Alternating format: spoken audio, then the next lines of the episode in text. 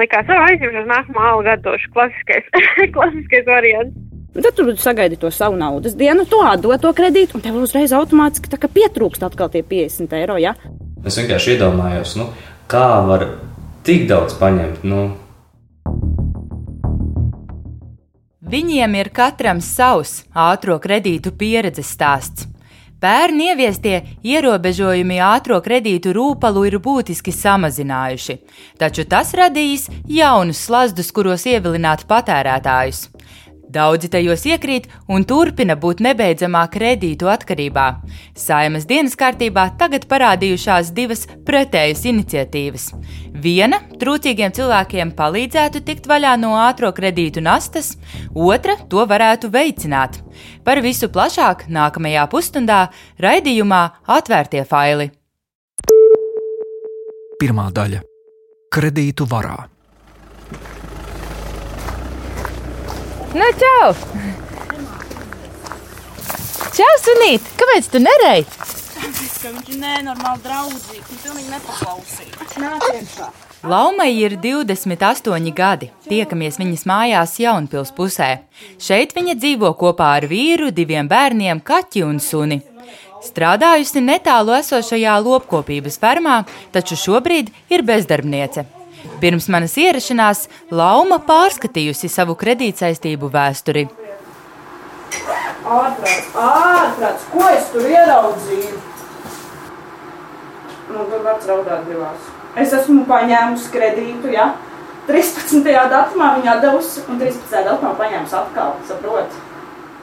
Viņa rāda e-pasta vēstules no nebanku kreditētājiem, atgādinājumi par tekošo rēķinu, informācija par iespēju apmaksas termiņu pagarināt, kā pati ironiski teica, kopš 2016. gada bijusi kredītdevēju zelta kliente. Nu, redz, kur arī ir nu, piešķirta summa. Es paņēmu 150, un man ir jādod 164 eiro. Tas nozīmē, cik pa virsmu? 14 eiro pa virsmu. Nu, lūdzu, forši. Un ir pagarinājums 7 dienām 10 eiro, jā, jā. 14 dienām 13, uh -huh. 30 dienām 19 eiro. Jā, jā, jā. un tas ir rēķini, ja es, piemēram, neesmu man devis laicīgi. Es pagarinu, tas man jau ir 20 eiro, tas ir 34 eiro. Aiziet vienkārši miskastē. Tas, tas pats, kas sadedzina savus 30 eiro. Nu. Pat neatceras, kāpēc aizņēmusies pirmo reizi. Droši vien 50 eiro kaut kādai ballītei atzīst lauma. Un tad tur sagaidi to savu naudas dienu, to atdod to kredītu, un tev uzreiz automātiski pietrūkst atkal tie 50 eiro. Ja? Un tu jau tā kā paņem, paņem, paņem, paņem, un tā summa aug, aug, aug, aug un uzaug jau tāda, ka tu jau vairs nezini, ko likties. Un jau vienkārši tev visu laiku iztrūkst tā nauda, saproti? Schēma vienkārša. Pirmais tiek saukts par bezmaksas kredītu, jo tam nepiemēro komisijas maksu.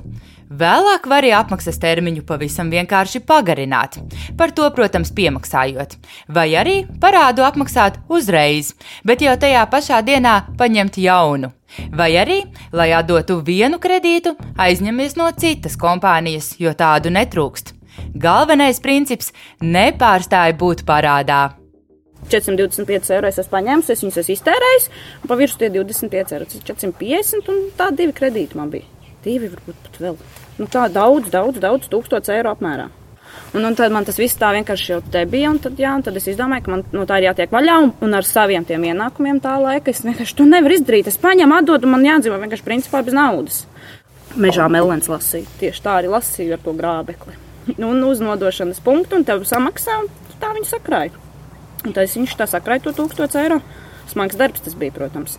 Un viņi zvanās, un viņi sūta tev tās laimīgās īsiņas, nu kā laimīgās inbox, vienkārši ir pilns ar tiem piedāvājumiem.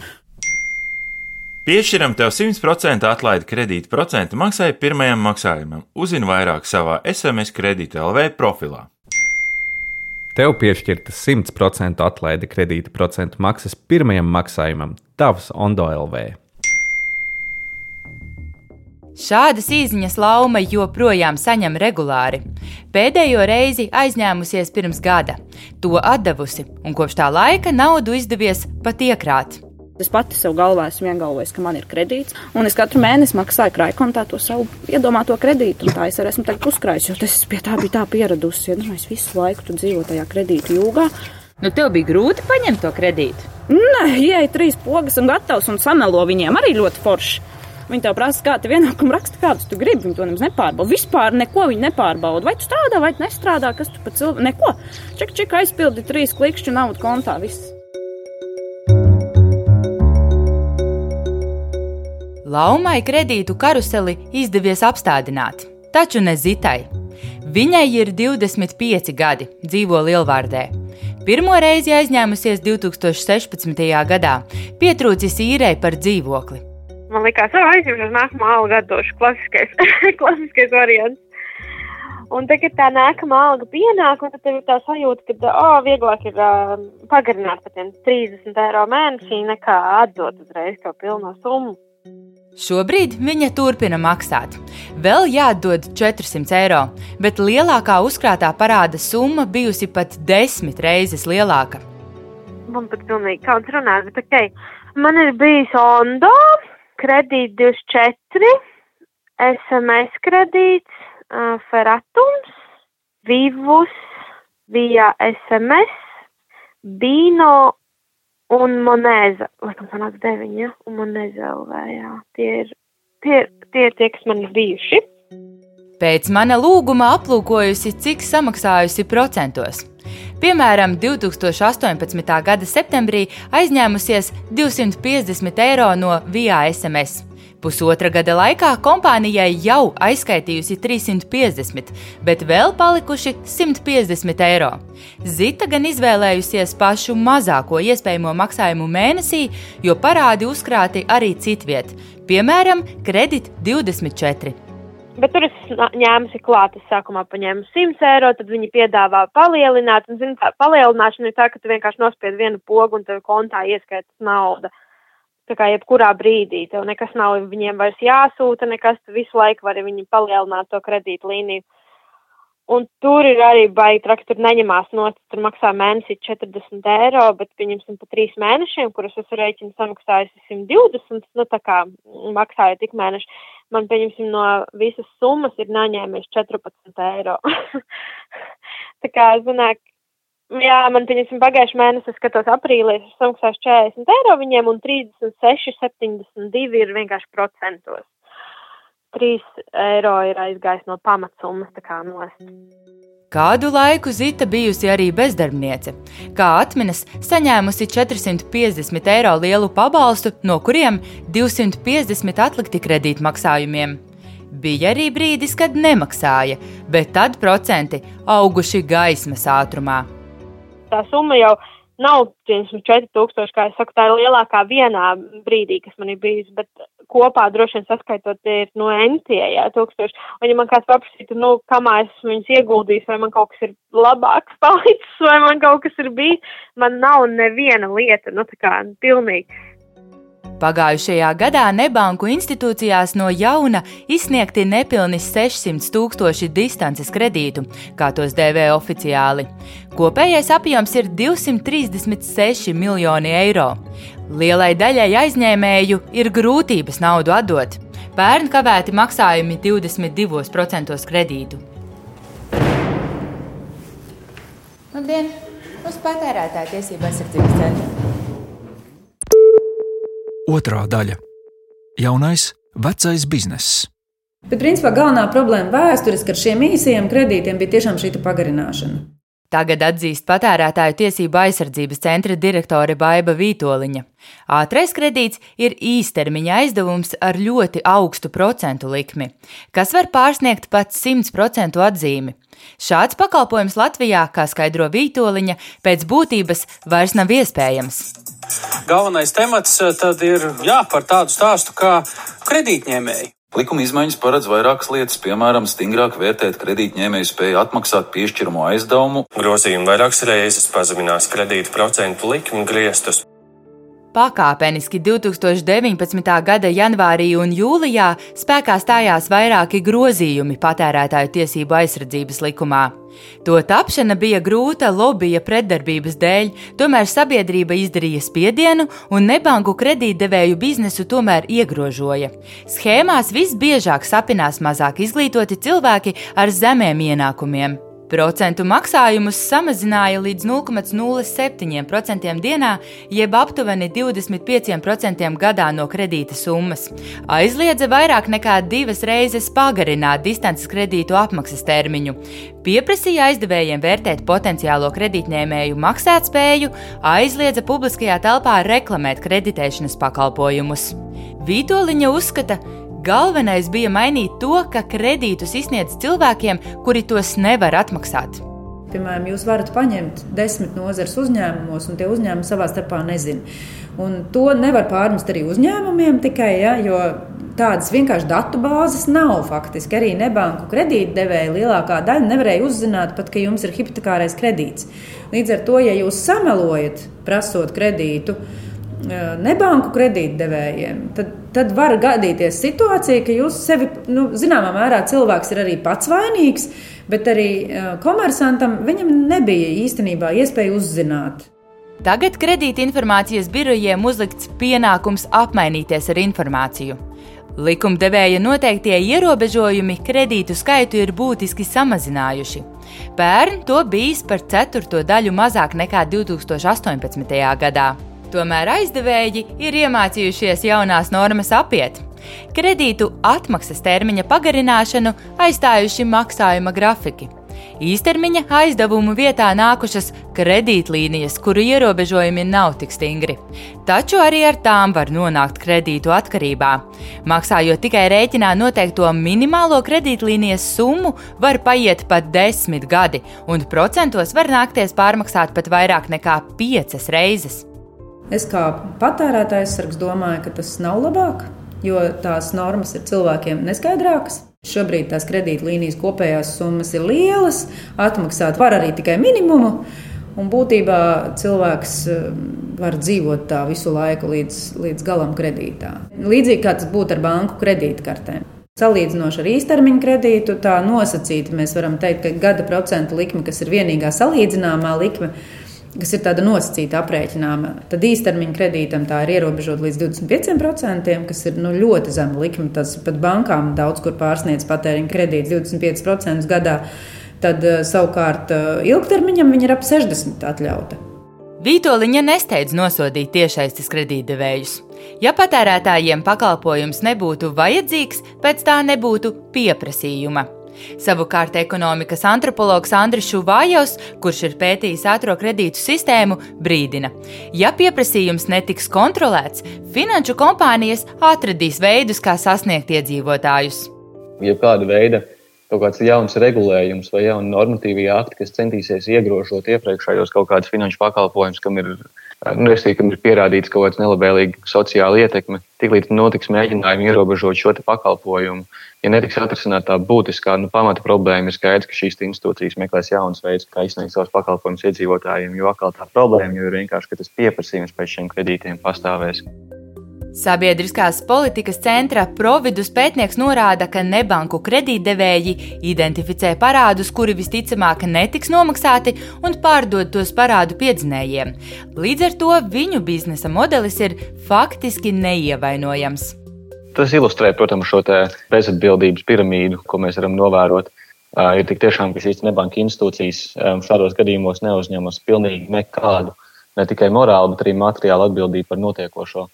Jo atkal tīri idejiski, ja no tādas ekonomiskās teorijas perspektīvas, um, kredītu izsniegšanai viņai arī ir jānāk ar zināmu risku. Tas ir vienīgais, kas faktiski motivē kredītu izsniedzējus izsniegt labus, produktīvus aizdevumus. Un līdz ar to tas nozīmē, to, ka viņiem ir jārēķinās ar to, ka viņu aizdevums var tikt neatmaksāts. Tas ir tieši šis faktors, kas disciplinē viņus. Savukārt šajā gadījumā, ja viņi zina, ka viņi, viņi spēs tikt vaļā no šiem kredītiem, attiecīgi parādu piedzinēji viņus uzņemsies, un parādu piedzinējiem, protams, ir savs biznesa modelis. Šādā sistēmā, protams, šāda veida finanšu institūcijas faktiski neuzņemās nekādu risku. Ko par šo saka paši nebanku kredītdevēji? To jautājam Latvijas Alternatīvo finanšu pakalpojumu asociācijas vadītājam Gintam Āboltiņam. Vai kaut kādā brīdī arī tas uzņēmums tā kā par to atbild? Ka, piemēram, ir izsniegts kredīts un cilvēks nevar apmaksāt. Likumā ir noteikts šīs maksātspējas vērtēšanas prasības, kuras attiecīgi jebkuram kredītdevējam jāievēro. ja attiecīgi netiek ievērots, nu, tad droši vien, likumā ir noteikts atbilstošas sankcijas. Patērētāja tiesība aizsardzības centrs regulāri iet pie uzņēmumiem, pārbauda, kā tad, teiksim, šīs prasības tiek ievērotas. Jā, centra direktore Baiva Vitoļiņa apstiprina, ka pārbaudas uzņēmumos veids katru gadu, taču sodus par pārkāpumiem piemēro reti.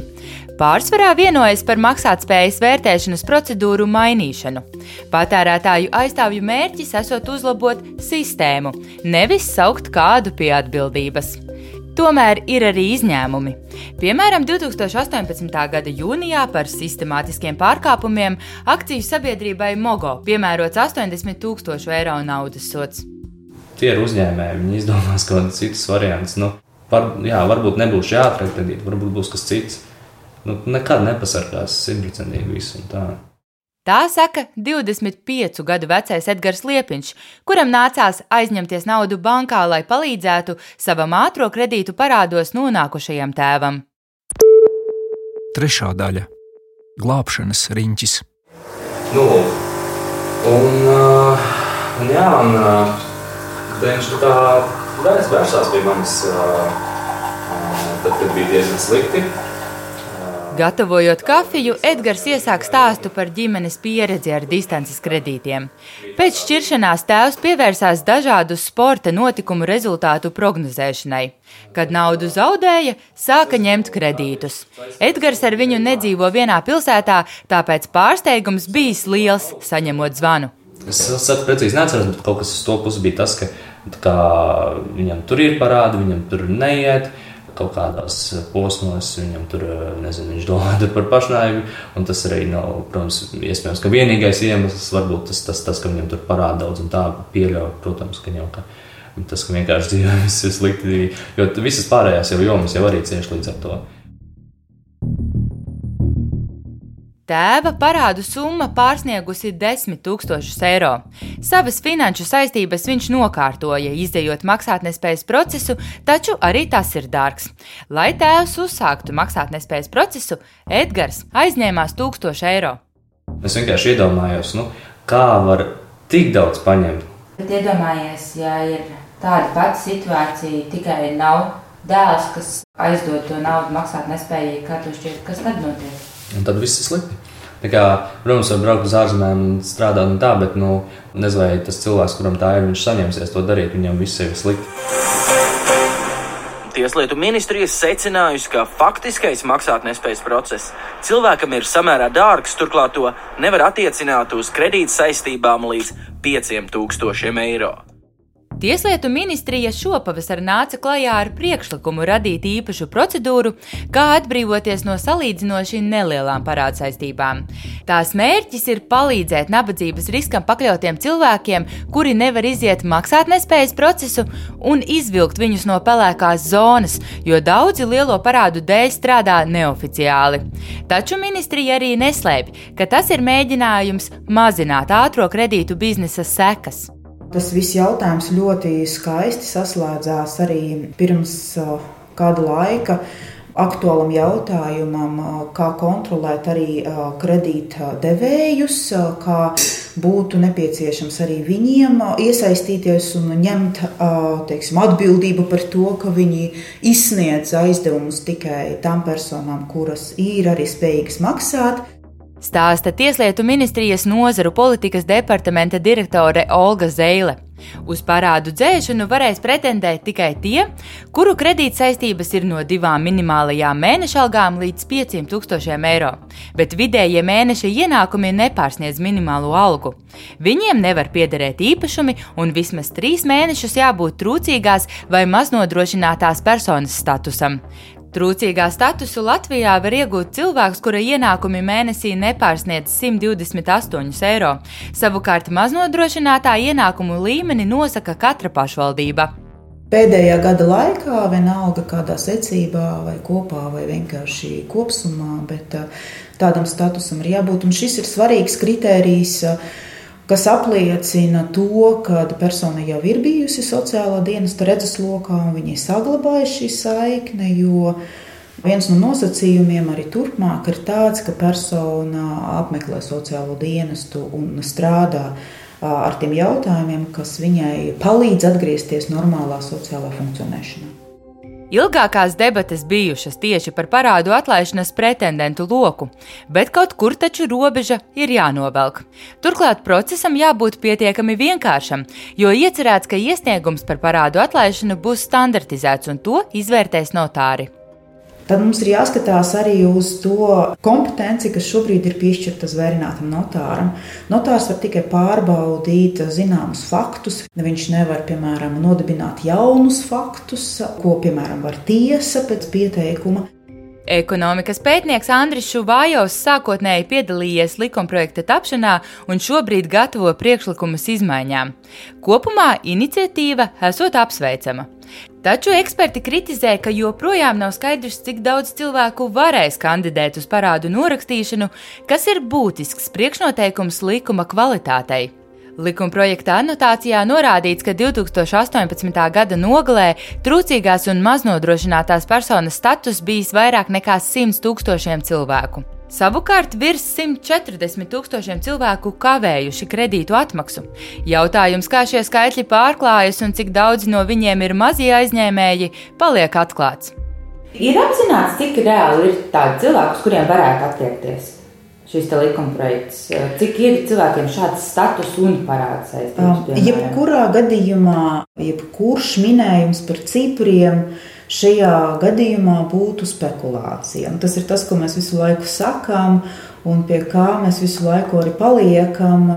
Šuvājos mudina politiķus tomēr meklēt veidus, kā likumu padarīt aptverošāku. Tas ir tieši tas, kas, ko šis likums veicina savā ziņā. Savā ziņā viņš veicina personu vēlmi nokļūt maznodrošinātā vai trūcīgā statusā, kas ir izklausās absurdi, un tas ir absurdi.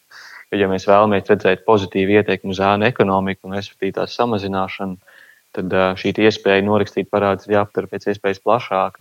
Un tam būs tikai un vienīgi pozitīvi rezultāti Latvijas tautsēmniecībai un arī nodokļu maksājumiem. No parāda saistībām varēs atbrīvoties vienu reizi mūžā. Turklāt pēc tam paredzēts divu gadu monitoringa periods, kura laikā ik viens, kuram radušās bažas par to, ka persona nav godprātīgi izmantojusi šo iespēju, var vērsties tiesā. Cilvēkam arī būs attālināti jāpiedalās finanšu pratības kursos. Tāpat no viņa prasīs arī finansiālo līdzdalību, notāra atlīdzības taksi un iespējams valsts nodevu, kas kopā varētu būt ap 100 eiro. Turpina Tieslietu ministrijas pārstāve Zeile. Mūsu ļoti liela vēlme, bez kuras mēs vispār neredzam šī likuma projekta pievienotu vērtību, tik līdz no viņa izņem ārā to finanšu pratības bloku, viņš pazūd.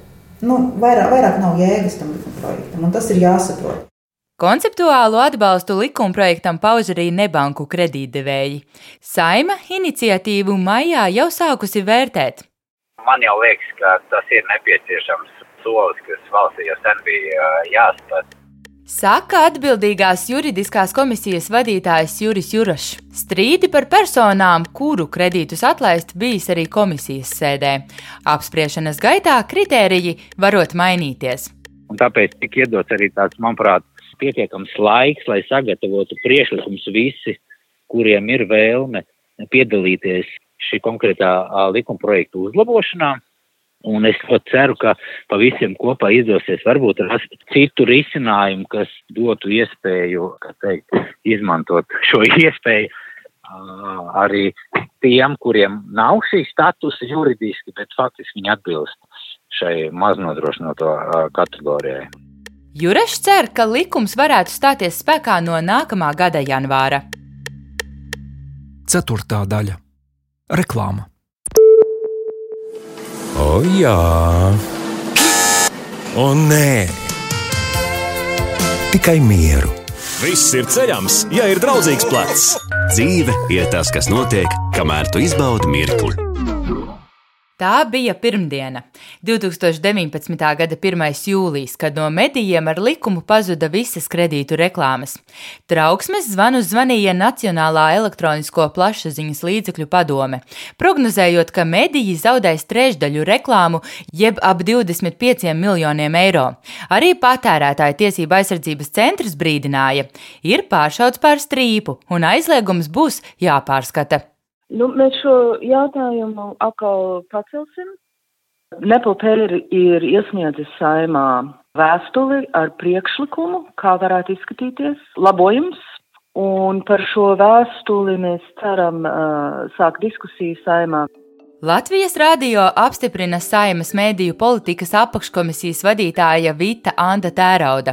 Likumdevējs gribēja aizliegt ātro kredītu reklāmas, bet 2018. gada pirmsvēlēšanu karstumā labojot likumu ar formulējumu tvēra plašāk, un publiskajā telpā faktiski aizliedza reklamēt jebkādus kredītus. Tas nozīmē, ka nedrīkst uh, reklamēt ne hipotekāros kredītus, ne studiju kredītus, ne preču līzingu. Un mūsuprāt, tas nebija tas mērķis tam pantam. Tas mērķis tiešām bija ātro kredītu noregulējums. Tagad, kad pandēmija būtiski pasliktinājusi mediju finanšu stāvokli, Saima gatava likumu mainīt, un jau tagad var prognozēt, ka tas nebūs vienkārši. Alternatīvo finanšu pakalpojumu asociācija nevēlas pieļaut, ka aizliedz tikai distances kredītu reklāmas. Tie esot tie paši patēriņa kredīti tikai tiešsaistē, un tos attālināti piedāvā arī bankas. Tērauda norāda, šobrīd par to notiek diskusijas. Reklāmas ierobežojumiem ir dažādi mērķi, bet pamatā tas ir kā sabiedrības intereses aizsargāt. Eh, vai nu mēs eh, ierobežojam, piemēram, alkohola reklāmas, eh, kas ir sabiedrības kopējās veselības nolūkos.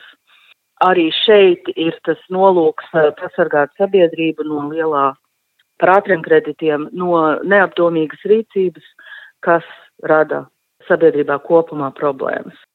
Nebanku kredītdevēji, starp citu, turpina reklamēties. Zīmolvārdu, kā tas teikts likumā, reklamēt drīkst. Zini, es par to mūsu virtuves remontu štukoju. Tā bija viena normāla doma. Mm. Normāls risinājums plašākām iespējām. Ienāc Vivus LV un pārliecinies pats. Vivus LV - normāls risinājums. Piemēram, šāda reklāma šobrīd izvietota televīzijas kanālā TV6. Manā skatījumā tas ierobežojums ir mazliet par stingru. Cits starpā tāpēc, ka viņi arī var viegli apiet, jo kredītu jau arī uzņēmums sniedz, nu ne visi no tiem, bet sniedz arī juridiskām personām. Līdz ar to tik un tā uzņēmums reklamē kreditēšanas pakalpojumu. Piesakies aizdevumam juridiskām personām. Nebanku kredītdevēji sevi aizstāv arī ar argumentu, ka cilvēki aizņemas vajadzības, ne reklāmas spiesti. Reklāma tikai palīdz atpazīt zīmolu un iegūt informāciju par pakalpojumu. Ko mēs redzam, man liekas, arī šobrīd nu, parādās dažādi teiksim, nelegālie kreditētāji, nu, teiksim, privātpersonas piedāvā kaut kādas kredītas cilvēkam vajadzīgas. Nu, viņš meklē šo iespēju aizņemties un varbūt reizēm ne labākā veidā un ne pie labākā kredīta devēja. Iespējams, pēc tam viņam būs liels problēmas.